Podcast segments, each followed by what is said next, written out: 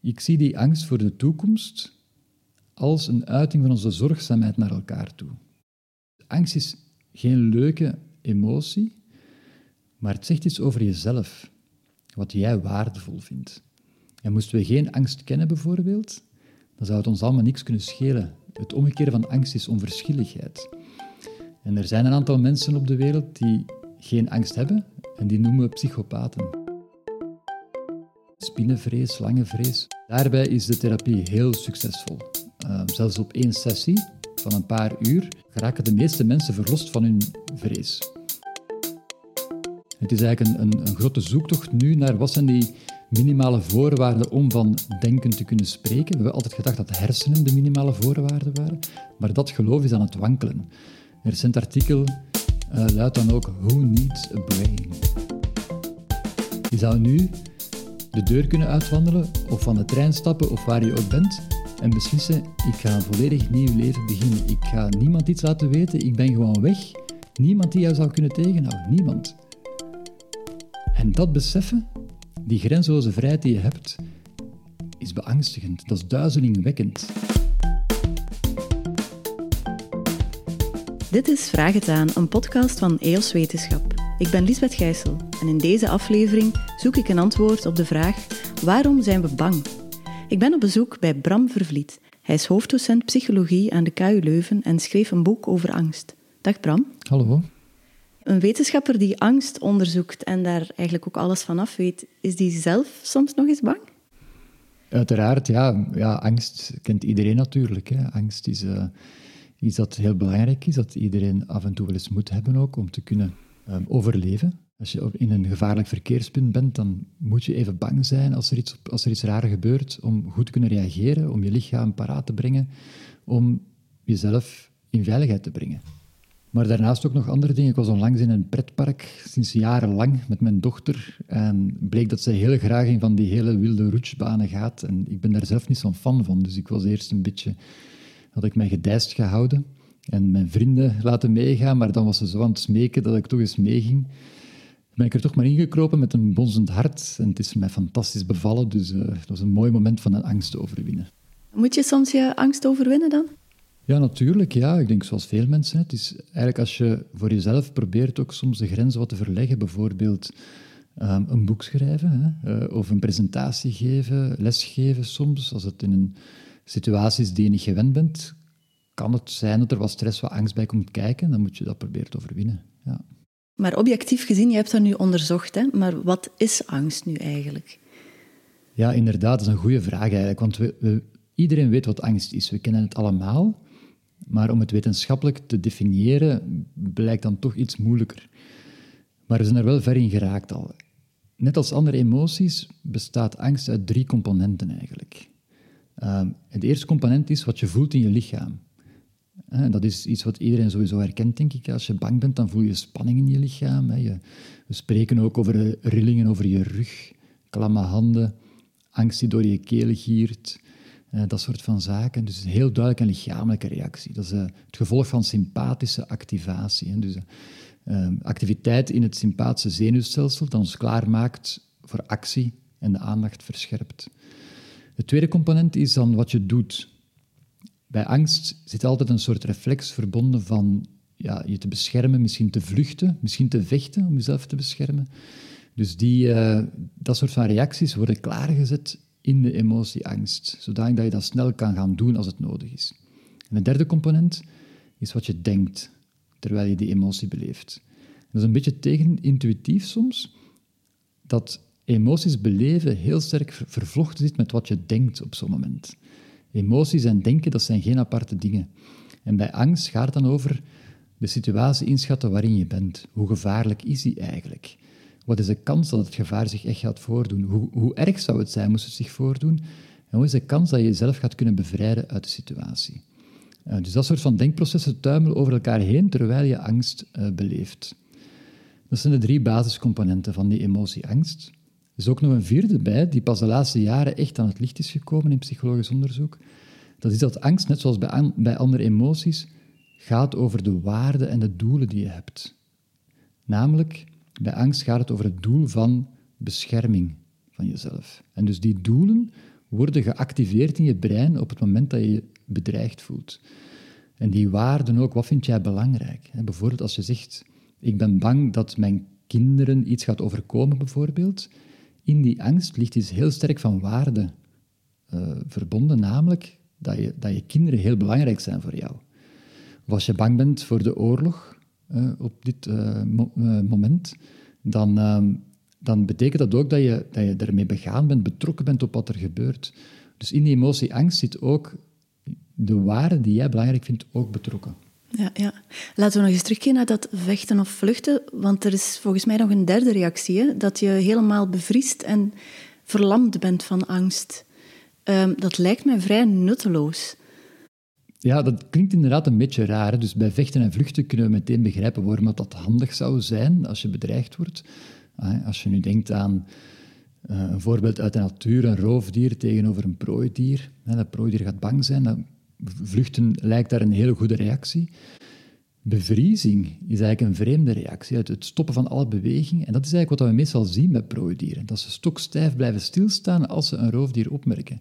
Je zou denken, ja, dan ben je gewoon een vogel voor de kat. Dat is jezelf op voorhand gewonnen geven, maar dat blijkt niet zo te zijn. Het blijkt eigenlijk een hele uitgekiende verdedigingsstrategie te zijn. Namelijk, roofdieren worden vooral aangetrokken door beweging, door vluchtende dieren. Dat werkt als een magneet op hen, dat, dan schiet ze als een pijl uit een boog op die wegvluchtende prooi. Dus het stokstijf blijven stilstaan verlaagt de kans om aangevallen te worden. Bij dieren dan, hè? want bij ons denk ik dat het momenteel niet zoveel nut meer heeft dan. Hè? Wel ja, wel, wij zijn natuurlijk uh, prooidieren van oudsher, hè? dus die angst zit in ons ingebakken. Wij kennen angst omdat dat in onze evolutie belangrijk is geweest. Vandaar ook dat we die bevriezingsreactie zo goed kennen. Uh, aan de grond genageld staan, zeggen we ook. Dat kan nog altijd nuttig zijn in, onze wereld ook. Hè. Ehm, bijvoorbeeld als er een auto vlak langs jou scheurt en je bevriest van angst, ja, dan is de kans groot dat hij naast jou gaat. Want als hij natuurlijk recht op jou afkomt, toevallig, die ene kans, dan ben je eraan. Maar de kans is ook groot dat hij niet tegen jou botst, maar jou rakelings passeert. En dus de bevriezingsreactie zal gemiddeld genomen een voordeel opleveren. Maar dat betekent niet dat die altijd en overal de beste oplossing is. Ja, of die was misschien vroeger de beste oplossing. Ja, maar die zit nog in ons ingebakken of zo? Die zit in ons ingebakken, maar vroeger zal het ook niet altijd de beste oplossing geweest zijn. Dus dat vind ik wel een belangrijke nuance.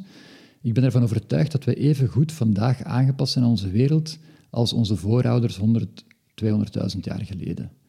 Um, die bevriezingsreactie is statistisch genomen, gemiddeld genomen, verhoogt die de kans op overleven. En dat is voldoende voor de natuurlijke selectie om het uh, in onze DNA in te bakken, zal ik maar zeggen.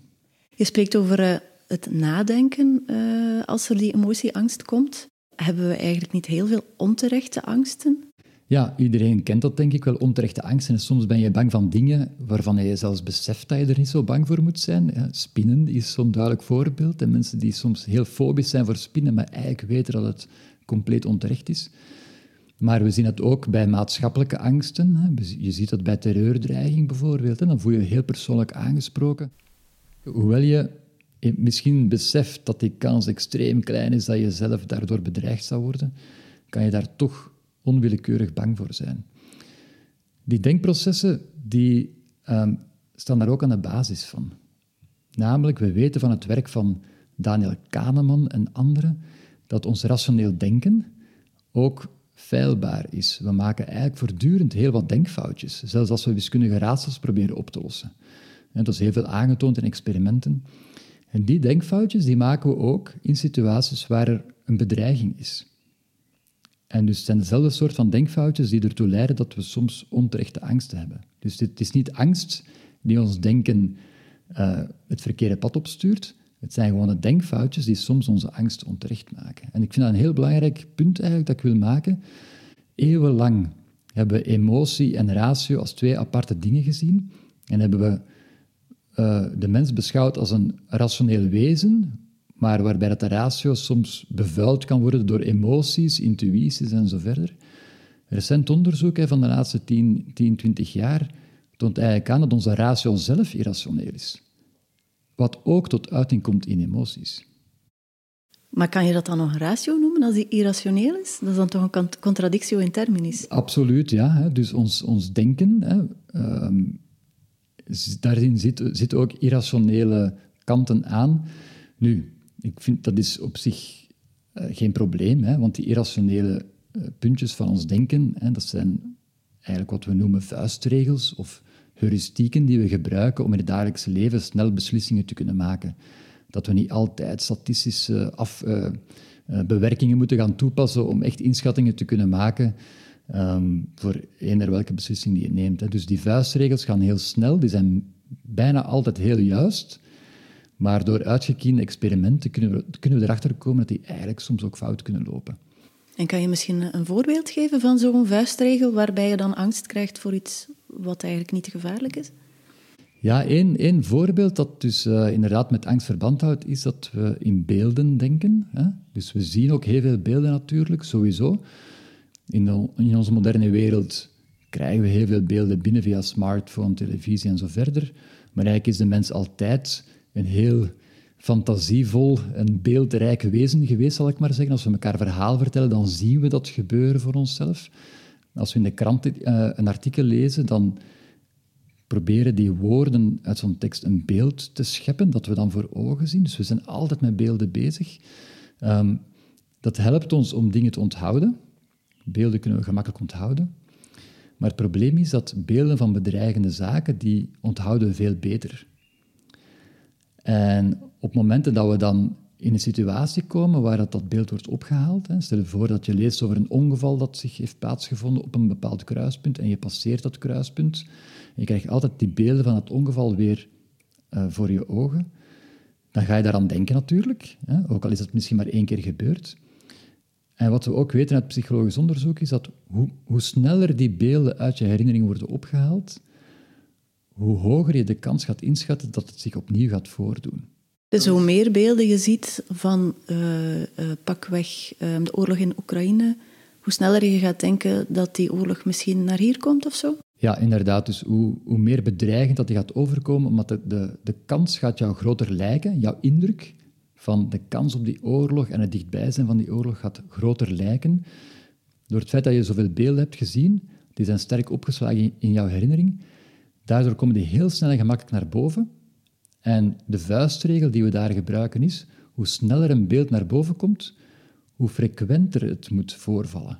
Omdat we frequente dingen meestal gemakkelijk onthouden dan zeldzame dingen.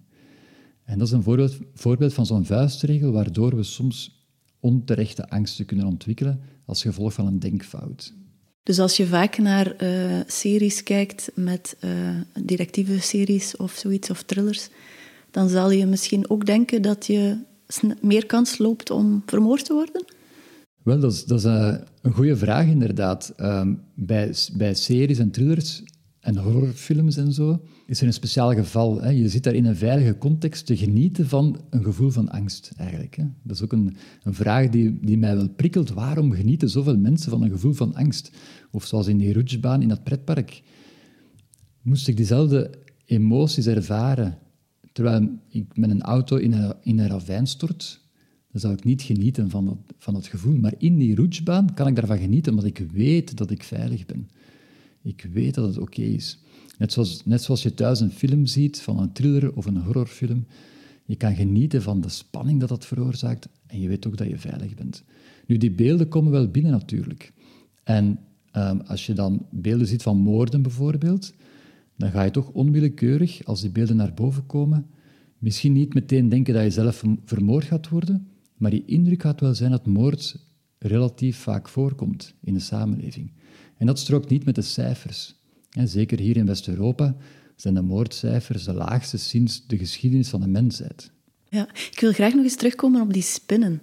Want uh, het is nu ook niet dat we zoveel verhalen lezen over uh, giftige spinnen of voortdurend beelden zien van spinnen die mensen doodmaken of zo. Hoe, hoe komt het dan dat we toch bang zijn van spinnen?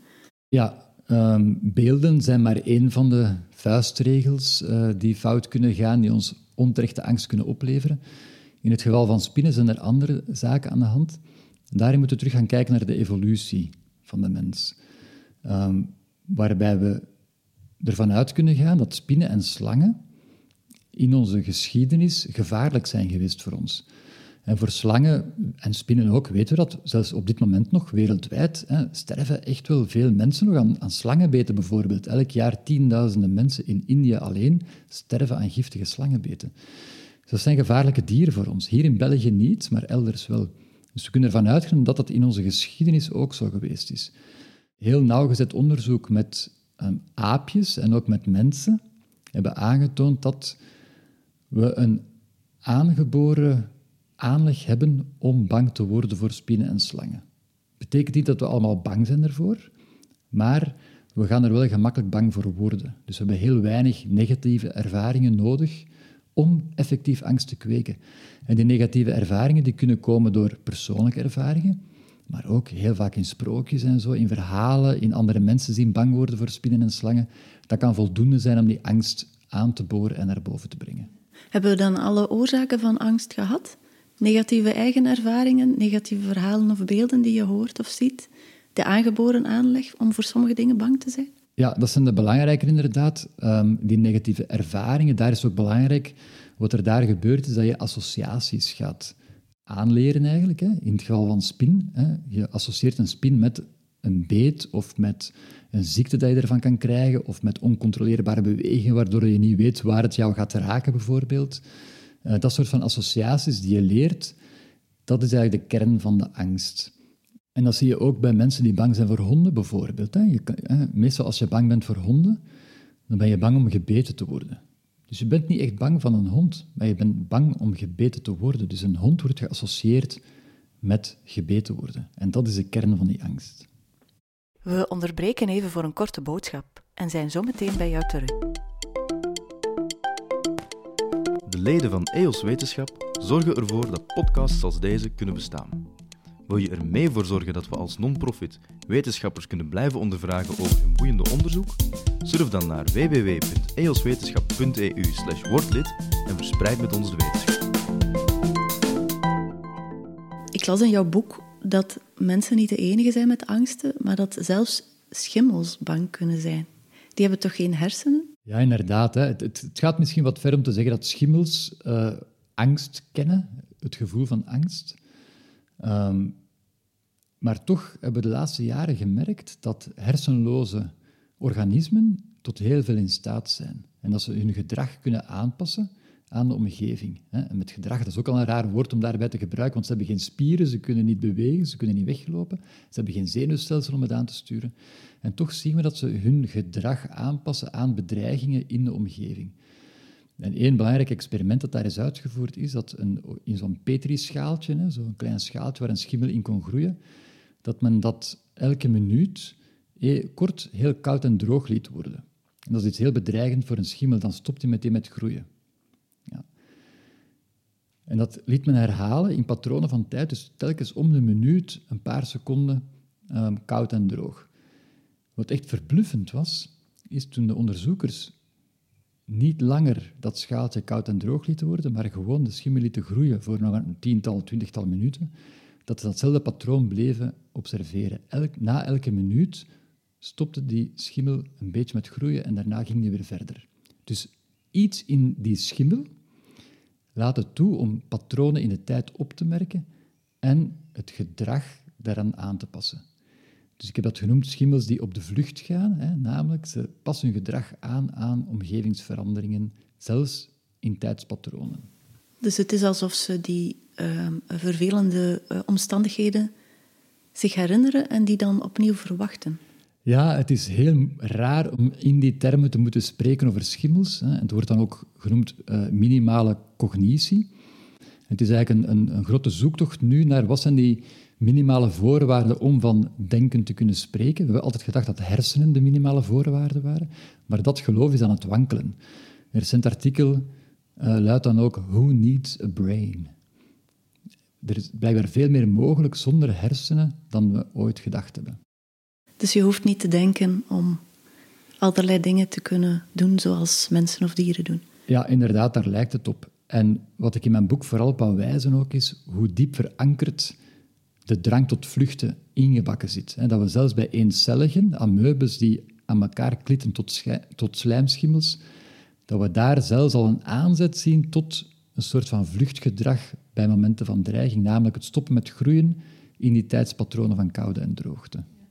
Dus we hebben een, als mens, dan laten we even terugkeren naar de mensen, een aangeboren aanleg om, om angsten te ontwikkelen. Zijn er manieren om daarvan af te geraken? Want een angst voor spinnen, of bijvoorbeeld, ik heb zelf uh, wat claustrofobie, uh, kan wel soms heel vervelend zijn. Hè? Absoluut. Angst is een vervelende emotie meestal. Hè. Als je het niet in een veilige omstandigheid beleeft, zoals in die roetsbaan of in een film, is angst vervelend. Dat is ook zo bedoeld door de evolutie. Hè. Namelijk dat je wegvlucht om het gevoel van angst ook te laten dalen. Natuurlijk, als angst onterecht zijn en als ze buitensporig groot beginnen worden, hè, als de vrees je leven begint te beheersen bijvoorbeeld, ja, dan wordt het echt leidzaam, die angst. En dan is het belangrijk om die te kunnen verminderen, om daarmee ja, een manier te vinden om daarmee overweg te kunnen. Nu, daar hebben we heel veel kennis gehaald vanuit het laboratorium ook. Uh, kennis die gebaseerd is op conditionering. dat uh, ontwikkeld is geweest door Pavlov met de honden en het belletje en dan het voedsel dat erna kwam. En de hond leerde het belletje te associëren met dat voedsel. En dan zag Pavlov als speekseldruppels verschijnen toen de hond nog maar het belletje hoorde. En dat was het bewijs dat die hond een associatie had gelegd. In het laboratorium, in ons eigen laboratorium ook, gebruiken we een gelijkaardige procedure om vrees en angst te onderzoeken via conditionering. In plaats van een lekker voedselbrokje gebruiken we dan een, een aversieve prikkel, een elektrische prikkel op de pols. Een vervelende prikkel Een vervelende prikkel, ja. Het is geen pijnlijke prikkel. Uh, onze vrijwilligers die zo goed zijn om voor ons een half uurtje vrees en angst te willen voelen, die kiezen zelf de, de intensiteit van die elektrische prikkel, zodanig dat ze die echt liever niet zouden willen beleven opnieuw. En dan laten we die voorafgaan door een belletje of door een driehoekje dat ze zien op een scherm of zo. Dus na een tijdje leren ze, oei, als ik dat driehoekje zie, dan ga ik die vervelende prikkel krijgen. Ze zetten zich schrap. En dan kunnen wij gaan meten in het lichaam, in de hersenen, in hun reacties en ook in wat ze zeggen dat ze denken en voelen, kunnen we gaan meten wat er gebeurt op het moment dat je bang bent. En hoe dat die associatie gelegd wordt. En dat is een heel belangrijke stap in ons begrip van, um, van vrees en angst, om daarna handvatten te hebben over hoe moeten die best wegnemen bij mensen die lijden aan buitensporige angsten. Um, en daar is de belangrijkste inspiratiebron opnieuw het laboratorium van Pavlov geweest, die al het fenomeen van uitdoving heeft gevonden, waarbij hij zag bij zijn honden dat eens dat die speekselreactie op het belletje geconditioneerd is, dat die niet noodzakelijk voor altijd is. Hij heeft eigenlijk een heel eenvoudige methode gevonden, namelijk gewoon het belletje laten horen zonder het voedsel. Als je dat voldoende vaak herhaalt, dan gaat de hond niet langer reageren op het belletje. En dat is eigenlijk nog altijd het basisingrediënt van hedendaagse succesvolle therapieën die we gebruiken voor buitensporige angsten.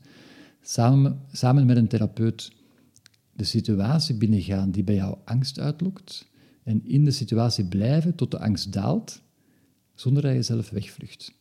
Zodanig dat die uitdoving zijn werk kan doen en dat de angst kan gaan liggen.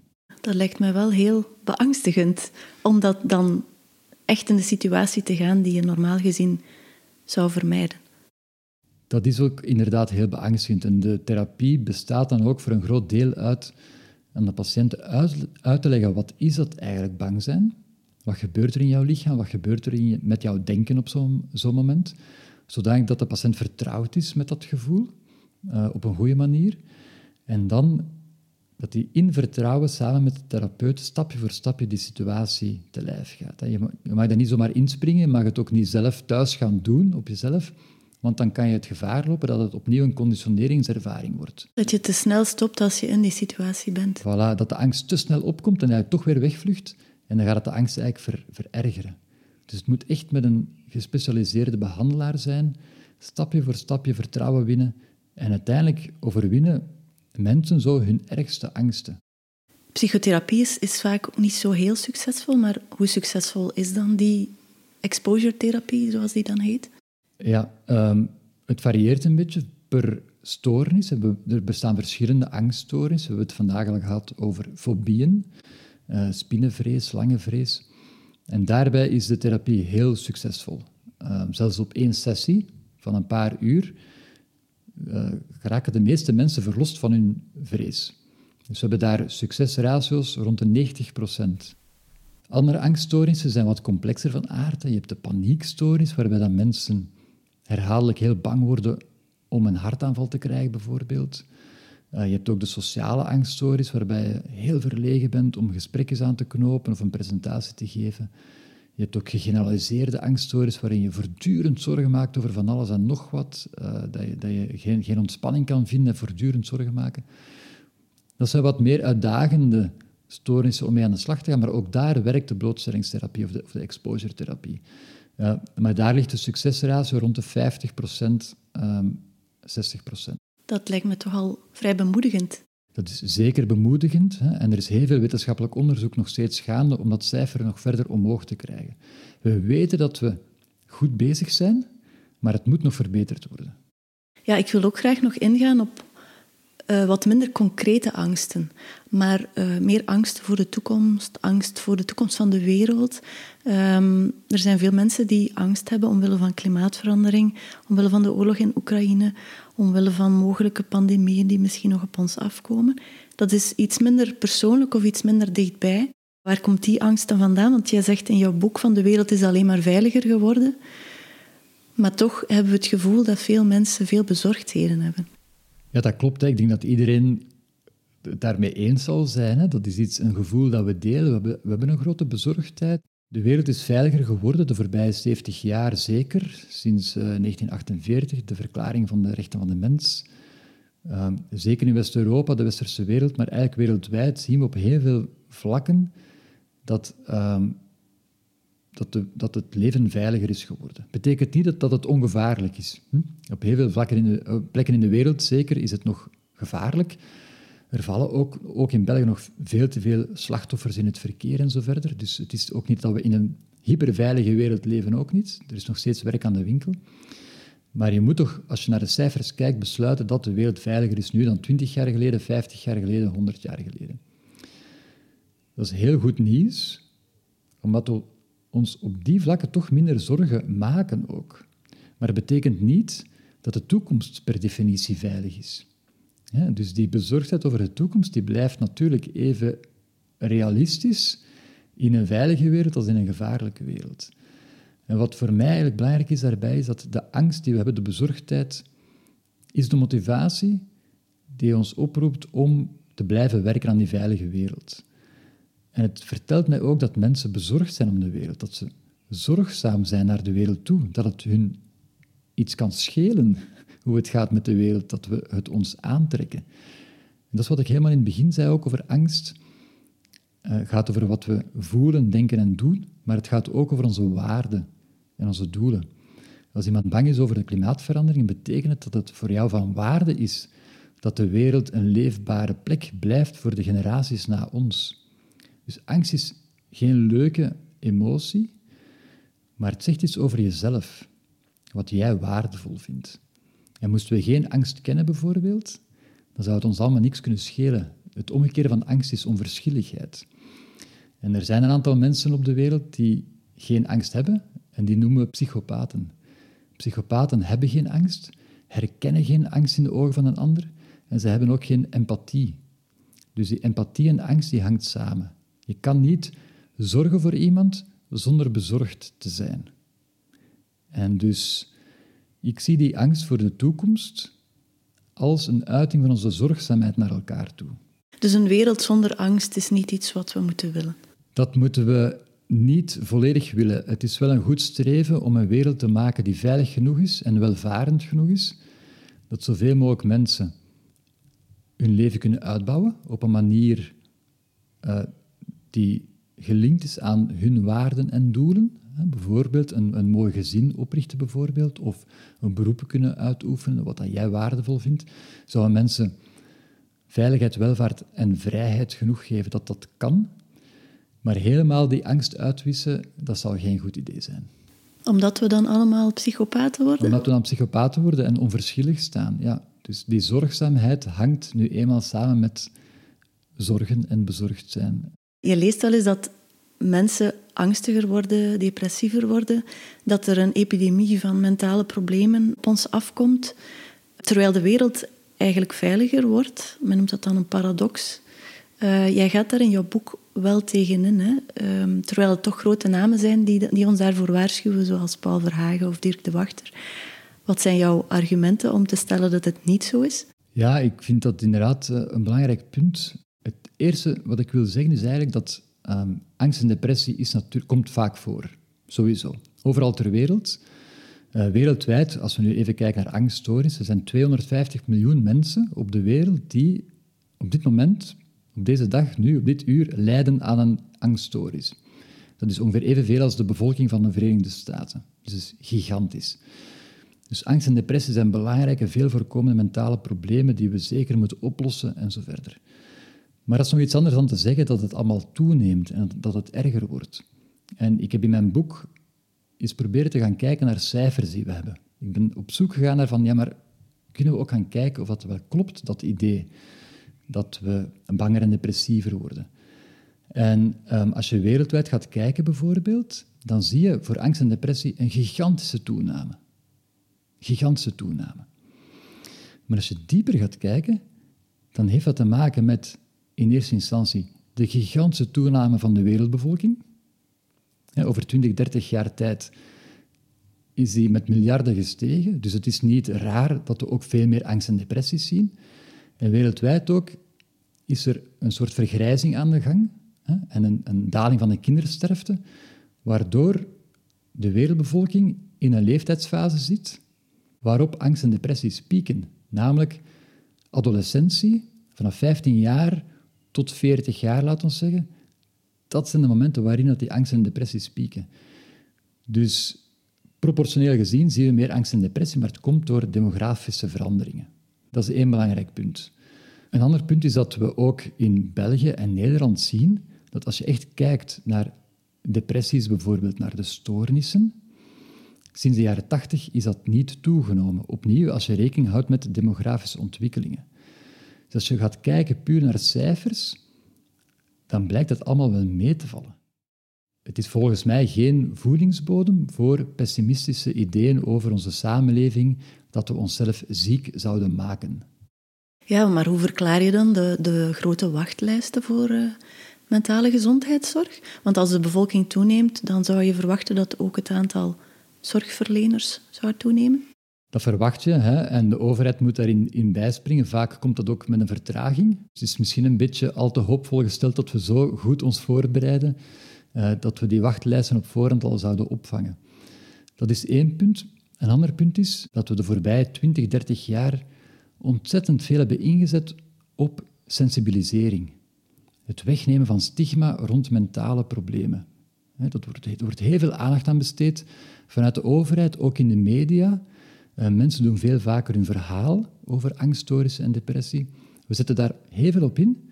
Het is dan ook niet verwonderlijk dat mensen meer naar buiten komen. En we willen ook graag dat ze naar de behandelaars toe komen, in plaats van jarenlang te blijven zitten thuis met de mentale klachten die ze hebben. Dus je zou ergens kunnen eh, zeggen zelfs, de toename van de wachtlijsten is ergens een, een stukje goed nieuws dat mensen nu naar buiten komen met hun klachten. Dus het is allemaal niet zo erg als wij soms denken. Het is erg en wachtlijsten zijn erg. En mensen die psychisch lijden, dat is vreselijk en we moeten ze helpen. Maar het hoeft niet te betekenen dat we in een samenleving wonen die ons ziek zal maken. Het is toch wel zo dat, zoals vaak wordt gezegd ook, dat we in een prestatiemaatschappij leven, dat er veel verantwoordelijkheid op het individu wordt gelegd om het te maken in het leven dat de sociale cohesie wat daalt, familiebanden worden zwakker. Zorgt dat er dan toch niet voor dat we daar mentaal onder lijden? Ik zou dat willen omdraaien. Hè. Je leeft in een prestatiemaatschappij. Oké. Dat betekent ook dat wij allemaal mogelijkheden hebben. We kunnen ons eigen leven vormgeven. En dat is niet gemakkelijk. Hè. Dat is niet gemakkelijk. Het leven wordt een beetje meer onzeker daardoor. Ik denk dat er veel meer mensen op dit moment blij zijn met die vrijheid die ze kunnen hebben tegenover vroeger. Zeker voor vrouwen bijvoorbeeld. Lag het gewoon vast. Ze zullen misschien minder prestatiedruk ervaren hebben, dat weet ik niet. Maar ik denk dat vrouwen heel blij zijn dat ze nu meer mogelijkheden krijgen. Een ander voorbeeld is de meritocratie, wordt ook vaak gezegd, de, de uh, verdienstenmaatschappij, dat je wordt afgerekend op wat je doet, een beetje hetzelfde als de prestatiemaatschappij. Wat is het alternatief? Vriendjespolitiek. Dat je een job krijgt, niet omdat je goed bent in wat je doet, maar omdat je binnengeraakt via vriendjespolitiek. Dus die prestatiemaatschappij in de zin van dat je probeert goed te worden in iets en daar ook voor beloond kunt worden en daardoor dingen kunt doen die je graag doet. Ja, ik zie daar weinig alternatieven voor eigenlijk. Op een manier die mensen aanspoort om zich te ontwikkelen in plaats van zich enkel bezig te houden met via vriendjespolitiek op plekken binnen te geraken. Dus je moet altijd denken, de manier waarop onze samenleving organiseren heeft vaak te maken met het oplossen van problemen die er vroeger waren. Niemand wil terug naar een samenleving waarin je vooral de elite had die elkaar postjes bezorgde. En als je daar niet bij hoorde, was er geen enkele manier om daar binnen te geraken. Vandaag kan je met behulp van prestaties kan je daar wel binnen geraken. Dus dat moet je altijd afwegen. En elke oplossing voor een vroeger probleem heeft ook een beetje een probleem in zich. Dus die prestatiemaatschappij, het kan zijn dat dat voor sommige mensen ook een druk kan betekenen. En dan moeten we dat inderdaad verder proberen op te lossen. Maar je moet het altijd afwegen tegenover het probleem van vroeger dat ondertussen opgelost is. Dus ik wil niet zeggen dat, we geen, dat er geen enkel probleem is in onze samenleving en dat we misschien moeten nadenken over die prestatiemaatschappij. Maar om te zeggen dat we daardoor banger en depressiever worden dan vroeger, toen vrouwen aan de haard moesten blijven en dat je niet het beroep kon gaan uitoefenen dat je graag zou doen, waar je goed in zou zijn, ja, dat lijkt me te ver gezocht. En dan komen we bij die onzekerheid terecht en bij de keuzevrijheid die we hebben. Misschien ook wel wat keuzestress die daarmee gepaard gaat. En dan wil ik graag nog een citaat geven uit jouw boek. We moeten angst volgen om te overleven, maar we moeten angst overwinnen om te leven. Zou je dat citaat eens willen uitleggen voor mij? Ja, inderdaad. Het, eerste deeltje verwijst naar ja, het belang van angst in onze evolutie en voor het overleven. We hebben vrees angst nodig om op momenten van dreiging onszelf veilig te kunnen stellen. Maar angst is meer dan dat, zeker in de vrije wereld waarin we leven, waarin elke mens zijn eigen toekomst voor moet geven, kan die vrijheid ook verpletterend overkomen.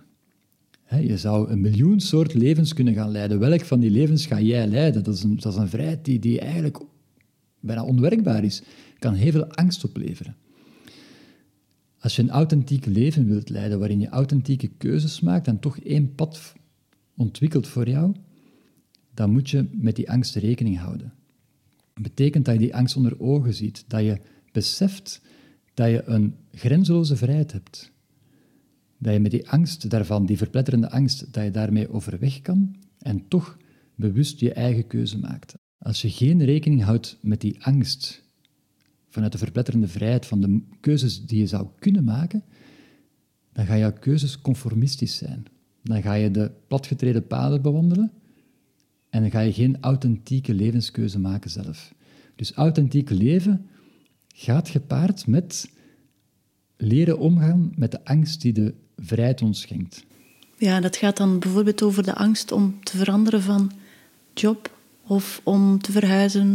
Ja, dat zijn dan heel specifieke manieren om over die angst na te denken. Hè. Als je erbij stilstaat, je zou eender wat kunnen doen. Niemand kan jou iets maken. Je zou nu de deur kunnen uitwandelen of van de trein stappen of waar je ook bent en beslissen, ik ga een volledig nieuw leven beginnen. Ik ga niemand iets laten weten, ik ben gewoon weg. Ik, ver, ik reis zover ik kan en ik begin volledig opnieuw. Niemand die jou zou kunnen tegenhouden, niemand. En dat beseffen, die grenzeloze vrijheid die je hebt, is beangstigend, dat is duizelingwekkend. Als je die onder ogen ziet, die grenzeloze vrijheid, dan kan je authentiek kiezen om toch in je leven te blijven dat je aan het leiden bent. Om toch te kiezen voor het gezin dat je hebt gesticht bijvoorbeeld, voor de job die je doet, voor het huis waarin je woont, voor het anker dat je hebt uitgeworpen in die oceaan van mogelijkheden. Dan zal het een authentieke levenskeuze zijn. Maar als je nooit die vrijheid in het gezicht kijkt, of die diepte in de afgrond kijkt, dan is het een conformistische keuze waar je blijft inzitten. Zegt die angst dan ook inderdaad iets over onze waarden die we belangrijk vinden? Inderdaad, die, ja, die angst gaat over die waarden. Dus een authentieke levenskeuze betekent een keuze maken op basis van jouw persoonlijke waarden en doelen in het leven. En dat kan opnieuw gaan over je beroep bijvoorbeeld. Wat vind jij belangrijk? Dat kan zijn mensen helpen, Hè, of nieuwe dingen ontwikkelen bijvoorbeeld. Hè. Dus ehm, inderdaad, dus omgaan met angst gaat uiteindelijk altijd over onze waarden en doelen. Ik denk dat onze tijd er ongeveer op zit en dat we ook al heel veel hebben behandeld. Ik onthoud vooral dat onze specifieke angsten voor spinnen, voor het donker misschien ook wel, dat die heel makkelijk te behandelen zijn, zelfs op een paar uur maar. Dus dat is al heel bemoedigend. En ook dat angst wel degelijk een functie heeft en dat het ook wel belangrijk is om af en toe eens bang te zijn, om authentieke keuzes te kunnen maken in het leven. Ik dank je heel erg voor dit gesprek, Bram Vervliet. En jij, luisteraar, bedank ik ook voor het luisteren. Dit was Vraag het aan, een podcast van EOS Wetenschap. Beluister ook de andere afleveringen in je podcast-app of via onze website www.eoswetenschap.eu. Of abonneer je op ons kanaal, zo mis je geen enkele nieuwe podcast. Vond je deze aflevering interessant? Schrijf dan een review, daar worden wij blij van. Wist je trouwens dat EOS Wetenschap een non-profit organisatie is? Als je ons werk belangrijk vindt, word dan lid. Alle informatie vind je op de website www.eoswetenschap.eu.